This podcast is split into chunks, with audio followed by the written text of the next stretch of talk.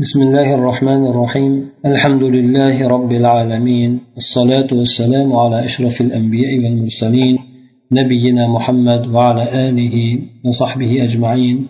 أما بعد إن شاء الله بيون درس مزدا تربية بارس ولاية كندا نبتك درس مز مراعاة الفروق الفردية يعني تورتنج درس كان شو كده تختي مؤلفة مراعاة الفروق الفردية تتجلى حكمة المربي في اختياره للأسلوب التربوي المناسب من أجل من أوجه عدة منها أولا أن يتناسب الترهيب والترغيب مع عمر الطفل وفي السنة الأولى والثانية يكون تقطيب الوجه كافيا عادة أو حرمانه من شيء يحبه وفي السنة الثالثة حرمانه من ألعابه التي يحبها. أو من الخروج إلى الملعب ya'ni muroatul furuqul fardiya degani alohida farqlarni rioya qilishlik alohida bo'ladigan farqlarni xos bo'lgan farqlarni rioya qilishlik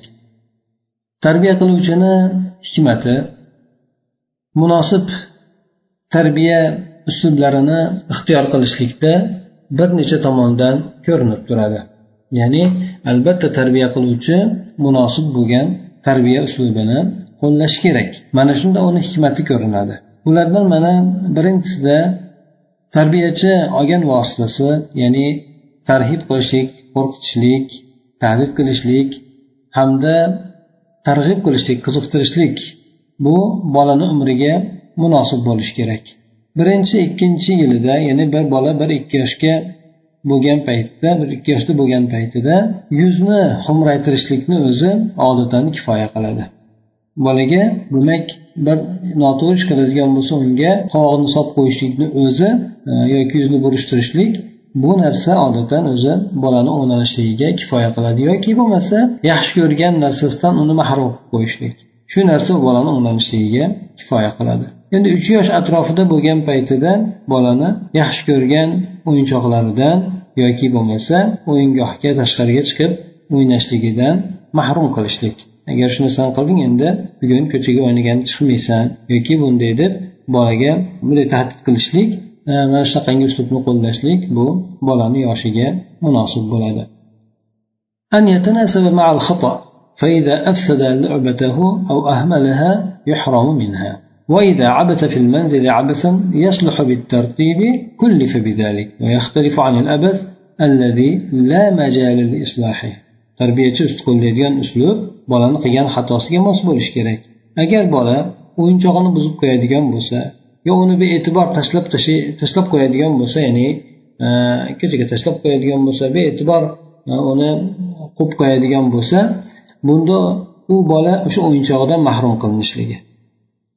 Agar uyda bironta bir nojo'ya ishni qilgan bo'lsa buni tartibga solishlik bilan tuzatiladigan bo'lsa bunda bolani o'ziga o'sha ishni yuklatiladi masalan aytaylik hamma yoqni ko'rsatib yuborgan bo'lsa o'zi yig'ishtiradi yoki bo'lmasa joylarini buzib tashlagan bo'lsa o'zi to'g'irlaydi shunaqa narsani bolaga demak yuklatiladi albatta bu tuzatishlikka imkon bo'lmaydigan noloyiq ishlardan bu farq qiladi endi demak qo'ldan keladigan bo'lsa bolani o'sha narsani o'zini bolaga qildirishlik kerak bo'ladi أن يتناسب مع شخصية الطفل ومن الأطفال من يكون حساسا لينا ذا حياء يكفيه العقاب ومنهم من يكون عنيدا فلا ينفع معه إلا العقاب ومنهم من حرمانه من لعبه من لعبه أشد من ضربه ومنهم من حرمانه من أصدقائه أشد من حرمانه من النقود أو الحلوى yana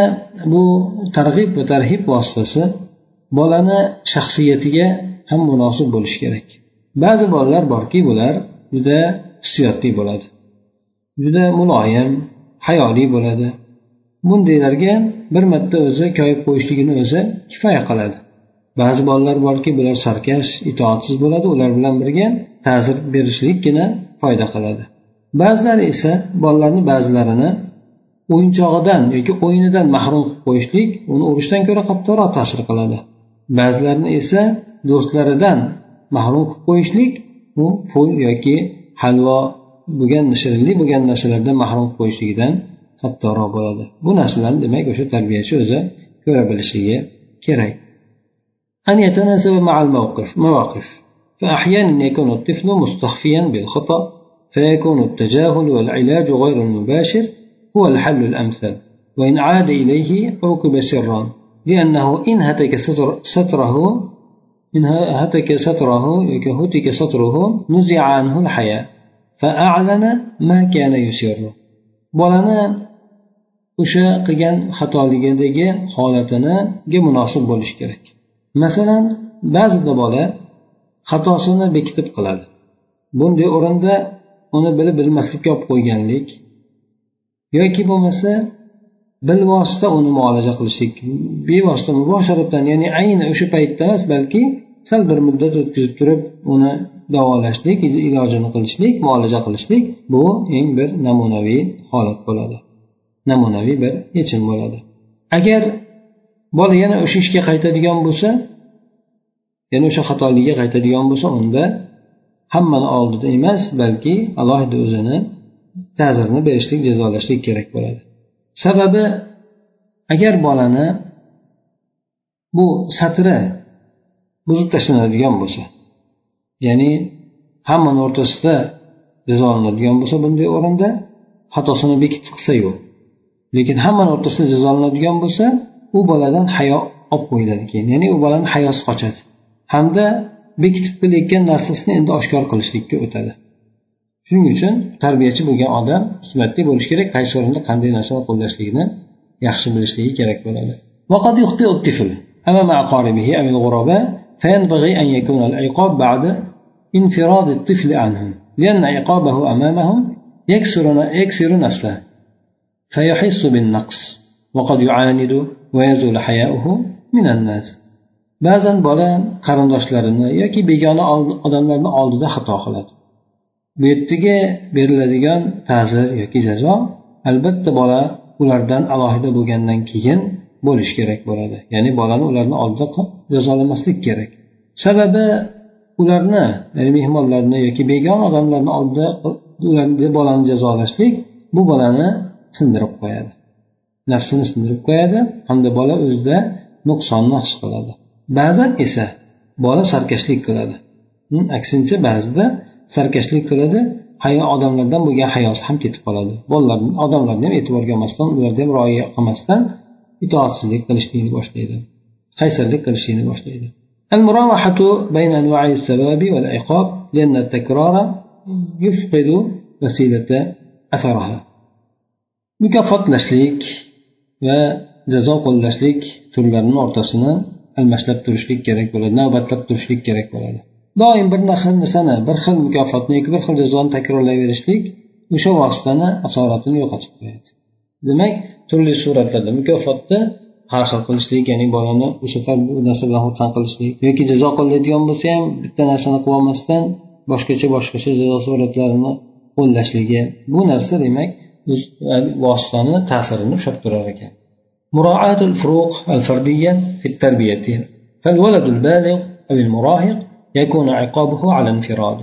لأنه أصبح كبيرا ويجب أن يحترمه إخوانه الصغار ويعاتب أمامهم عتابا إذا كان الخطأ معلنا لأن تأنيبه والقسوة عليه قسوة عليه في الكلام يحدثان خللا في العلاقة بين المراهق والمربي ويكون ذلك أوجب أوجب في الحق ولد البكر من الذكور لأنه قدوة وهو رجل البيت إذا غاب والده أو مرض أو مات yana xuddi shuningdek tarbiyada o'sha alohida bo'lgan farqlarga holatlarga e'tibor berishlik rioya qilishlik bola agar balog'atga yetgan bo'lsa yoki yigit bo'lib qolgan bo'lsa albatta uni yolg'iz bo'lgan holatida ta'zirini qilishlik kerak bo'ladi ya'ni ta'zirini boshqalardan alohida bo'lgan holatida qilish kerak bo'ladi. Chunki u katta odam bo'lib qolgan bo'ladi.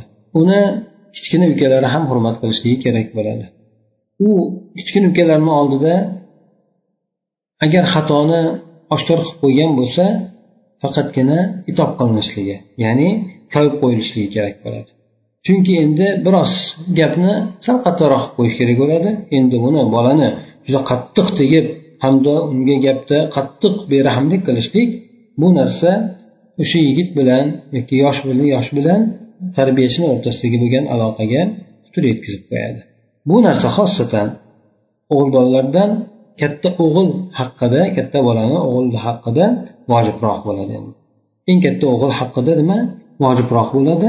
Sababi bu qolgan ukalariga namuna bo'ladida bu agar otasi g'oyib bo'lib bir joyga ketadigan bo'lsa yo kasal bo'lib qoladigan bo'lsa yo vafot etib ketib qoladigan bo'lsa bunda oiladagi erkak kishi bo'lib qoladi shuning uchun buni hurmati saqlanishligi kerak bo'ladi ومن الفروق الفردية جنس الطفل فالبنت يكفيها من العقاب ما لا يكفي الذكر عادة لأن جسدها ضعيف وهي تخاف أكثر وتنقاد بسهولة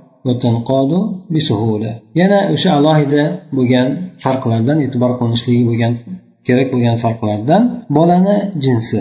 Masalan qiz bolaga jazo qo'llashlikdan odatda o'g'il bolaga kifoya qilmaydigan narsasi kifoya qilaveradi. Ya'ni qiz bolaga ozgina jazoni qo'llashlik o'zi yetarli bo'ladi.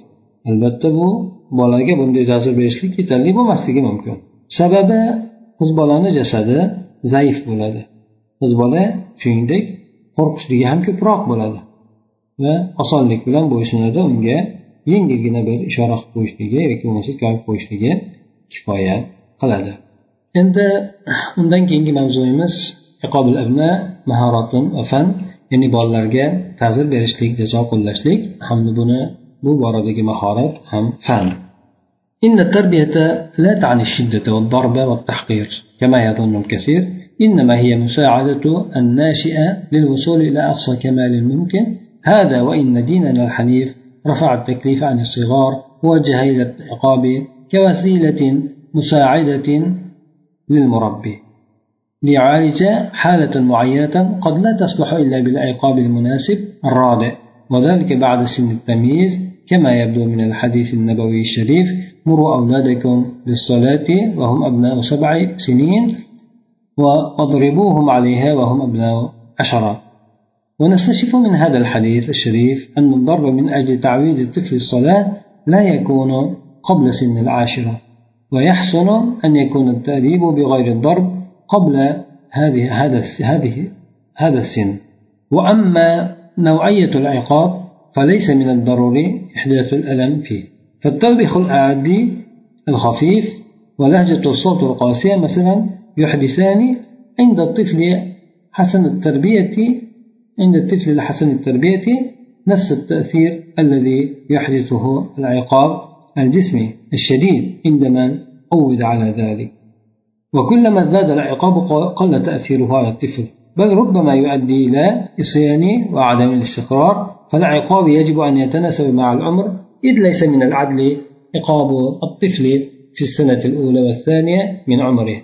فتخطيب الوجه يكفي من مع هذا السن إذ أن الطفل لا يدرك معنى العقاب بعد بعده وفي السنة الثالثة قد تؤخذ بعض ألعاب الطفل لقاء ما أتى من عمل shadh albatta tarbiya bu judayam qattiqqo'llik yoki urush yoki tahqirlashlik bu narsalarni anglatmaydi ko'pchilik gumon qilganidek balki bu tarbiya degani yoshlarni imkon qadar eng mukammallik darajasiga yetishligiga yordam beruvchi uslub sanaladi. Yordam beruvchi narsa hisoblanadi. Albatta bu narsaga e'tibor berish kerak.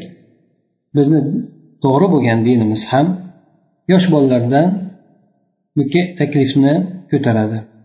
Unga vazifalar yuklashlikni shariat buyruqlarini yuklashlikni ko'taradi. Hamda jazo chorasini qo'llashlikni tarbiyachi uchun boladagi muayyan bir holatni muolaja qilishlik uchun yordam beruvchi vosita kabi aytib o'tadi. Ya'ni shu narsaga yo'naltiradi. Ba'zan bu aytib o'tdik muayyan holat dedik. Bu muayyan holat munosib bo'ladigan jazo chorasini qo'llashlik man qiluvchi bo'lgan o'sha ishdan to'xtatib qo'yuvchi bo'lgan jazo chorasini qo'llashlik bilangina tuzalishligi durust bo'lishligi mumkin. Shunday bo'lgan holatlarni muolaja qilishligi uchun tarbiyachiga yordamchi vosita kabi qo'llaniladi. Bu narsa albatta bola oq qorani tanish yoshdan o'tgandan keyin bo'ladi. Bu narsani hadis sharifdan ham ko'rishimiz mumkin. Payg'ambar sallallohu alayhi vasallam aytadilarki farzandlaringizni namozga buyuringlar. Ular yetti yosh bo'lgan hollarida. Hamda uni ustida o'n yosh bo'lgan paytida o'linglar dedi. Mana shu hadisdan shunday xulosa chiqaramizki bu urushlik bolani namozga odatlantirishlik sababidan bo'lgan urushlik bu o'n yoshdan oldin durust bo'lmas ekan. Hamda bu yerda odob berishlik o'sha yoshdan oldin urushdan boshqa narsa bilan bo'lishligi juda go'zal bo'ladi yaxshi bo'ladi. Ammo endi jazoni turiga keladigan bo'lsak albatta o'sha bolada bir alamni paydo qilishligi zaruriy emasdir. Albatta shart emas u bolani bir og'riq paydo bo'ladigan darajada unga jazo chorasini qo'llashlik. Ba'zan yengil bo'lgan odatiy bo'lgan bir koyib qo'yishlik hamda qattiqroq bir balandroq bo'lgan ovoz bilan gapirib qo'yishlik bu narsa tarbiyasi yaxshi bo'lgan bolada o'sha qattiq jismiy jazo chorasini qo'llashlik paydo etadigan ta'sirni o'zini berishligi mumkin bo'ladi. Albatta bu narsa o'sha narsaga odatlanib qolgan odamda endi. Ya'ni jazo chorasini qo'llashlikka o'rganib qolgan odam shu jazo chorasi qo'llanishligiga o'rganib qolgan bolada o'sha qattiq jazo chorasini jismiga jazo berishlik paydo qiladigan o'sha ta'sirni o'zini bir ozroq koyib qo'yishligi yoki ovozini balandroq qilib qo'yishligi ba'zan shu narsa ham o'sha beradigan ta'sirni beradi deydi. Jazo chorasi. Qo'llashlik qanchalik ziyodalashib boraversa bolaga bo'lgan ta'siri ham ozayib boraveradi. Jazoni qattiq qattiq qo'llansa bolaga bo'lgan ta'siri shunchalik kamayadi. Balki ba'zida esa bolani itoatsizlik qilishlikka hamda qaror topmasligiga olib borib qo'yadi. Shuning uchun jazo chorasini qo'llashlik avvalo bolani yoshiga munosib bo'lishi kerak. Albatta adolatdan bo'lmaydi endi bir yoshlik yoki ikki yoshli bolani jazolab turishlik endi. Bunga yuzni xumraytirib qo'yishlik o'zi yoki qovog'ini solib qo'yishlik bu narsa mana shu yoshda bo'lgan paytida yetarli bo'ladi. chunki bola hali jazoni ma'nosini nima ekanligini bilmaydi uch yosh bo'lgan paytida esa bolani ba'zi o'yinchoqlarni olib qo'yiladi bu esa bola noloyiq bo'lgan ishlardan birontasini qo'yadigan bo'lsa o'shani muqobilida shu bolani o'yinchoqlaridan ba'zilarini bildirib turib olib qo'yiladi بحال أن يكون العقاب سخرية وتشهيرا وتنابزا بالألقاب أو تنابزا بالألقاب كما قال تعالى يا أيها الذين آمنوا لا يسخر قوم من قوم عسى أن يكونوا خيرا منهم ولا نساء من نساء عسى أن يكون خيرا منهن ولا تلمزوا أنفسكم ولا تنابزوا بالألقاب. أين هذا التأديب الرباني ممن ينادون أبناءهم؟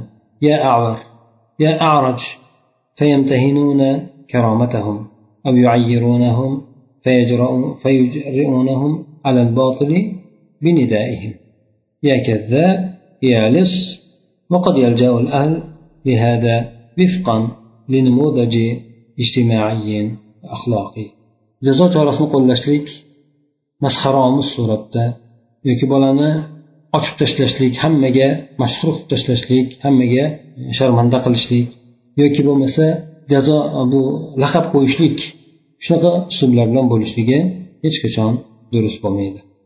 Joiz bo'lmaydi. Alloh taolo aytadiki ey iymon keltirgan kimsalar bironta qavm biron odamlar biron odamlardan masxara qilib ustidan kulmasin. Ehtimol masxara qilinayotgan kimsalar masxara qiluvchilardan ko'ra yaxshiroq bo'ladigan yaxshiroq bo'lishligi ham mumkin. Shuningdek ayollar ham ayollarni ustidan masxara qilib kulmasin. Ehtimol masxara qilinayotgan ayollar masxara qiluvchilardan yaxshiroq bo'ladigan bo'lsa shuningdek sizlar bir o'zlaringizni ayblamanglar kamsitmanglar hamda bir birlaringizni e, laqablar bilan chaqirmanglar dedi. Mana bu oyat karimada demak erkaklarni ham ayollarni ham bunday qilishlikdan qaytarildi. Qavm deganda aslida ayollar kiradigan bo'lsada lekin ayollarni ham alohida xoslab keltirishligi bu narsa ayollarni o'rtasida ham ko'p sodir bo'lishligiga ishora deb olimlar aytishadi. Shuning uchun bu yerda bironta odam bironta odamni kamsitmasin masxara qilib kulmasin. Ularni ya'ni ko'zini qisib kamsitib bir ishora qilib shunaqa qilib birovni tahqirlashlik shu narsalarni qilmanglar. Hamda bir birlaringizni laqablar bilan laqablamanglar deb aytdi. Albatta bu bunday bo'lgan robboniy odob berishlik o'zini bolalarini ey g'ilay yoki ey ko'r ey cho'loq deb chaqirayotgan. Hamda bolalarini hurmatini yer osti qilishayotgan. Yoki bo'lmasa ularni har xil ayblar bilan ayblashayotgan shu bilan bolalarini o'zlarini ey kazzob ey o'g'ri deb chaqirishligi oqibatida botil bo'lgan ishlarga jur'atli qilib qo'yayotgan odamlardan qayerdadir deydi demak bunday robboniy bo'lgan odob berishlik bunga xilof suratda tarbiya qiladigan yoki bo'lmasa jazo choralarini qo'llaydigan odamlarni mana shu yuqoridagi bo'lgan oyatlar orqali alloh taolo qaytarib qo'yyapti. Demak inson bu yerda bir qavm bir qavm degandan keyin farzandi bo'ladimi? Boshqasi bo'ladimi? Demak bunday suratda kamsitishlar qilmasligiga yuqorida ishora qilib o'tilyapti. O'zi demak o'zini farzandini har xil laqablar bilan pastga urmasligi hamda hurmatini poymol qilmasligi kerak ekan.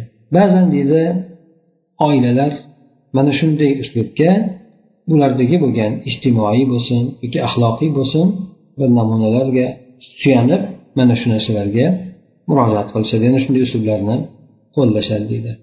Demak quyidagi bo'ladigan e, keyingi inshaalloh darsimizda buni sabablari va demak insonlar nima uchun bunday qattiq qo'llik bilan tarbiya qilishadi yoki yoki bo'lmasa bolalarini haqoratlashadi ularni hurmatlarini poymol qilishadi karomatlarini sindirishadi mana shuni sabablarini gapirib o'tiladi. Inshaalloh kelgusi darsimizda mavzuni davom ettiramiz سبحانك اللهم وبحمدك نشهد أن لا إله إلا أنت نستغفرك ونتوب إليك اللهم انفعنا بما علمتنا وعلمنا ما ينفعنا وزدنا علما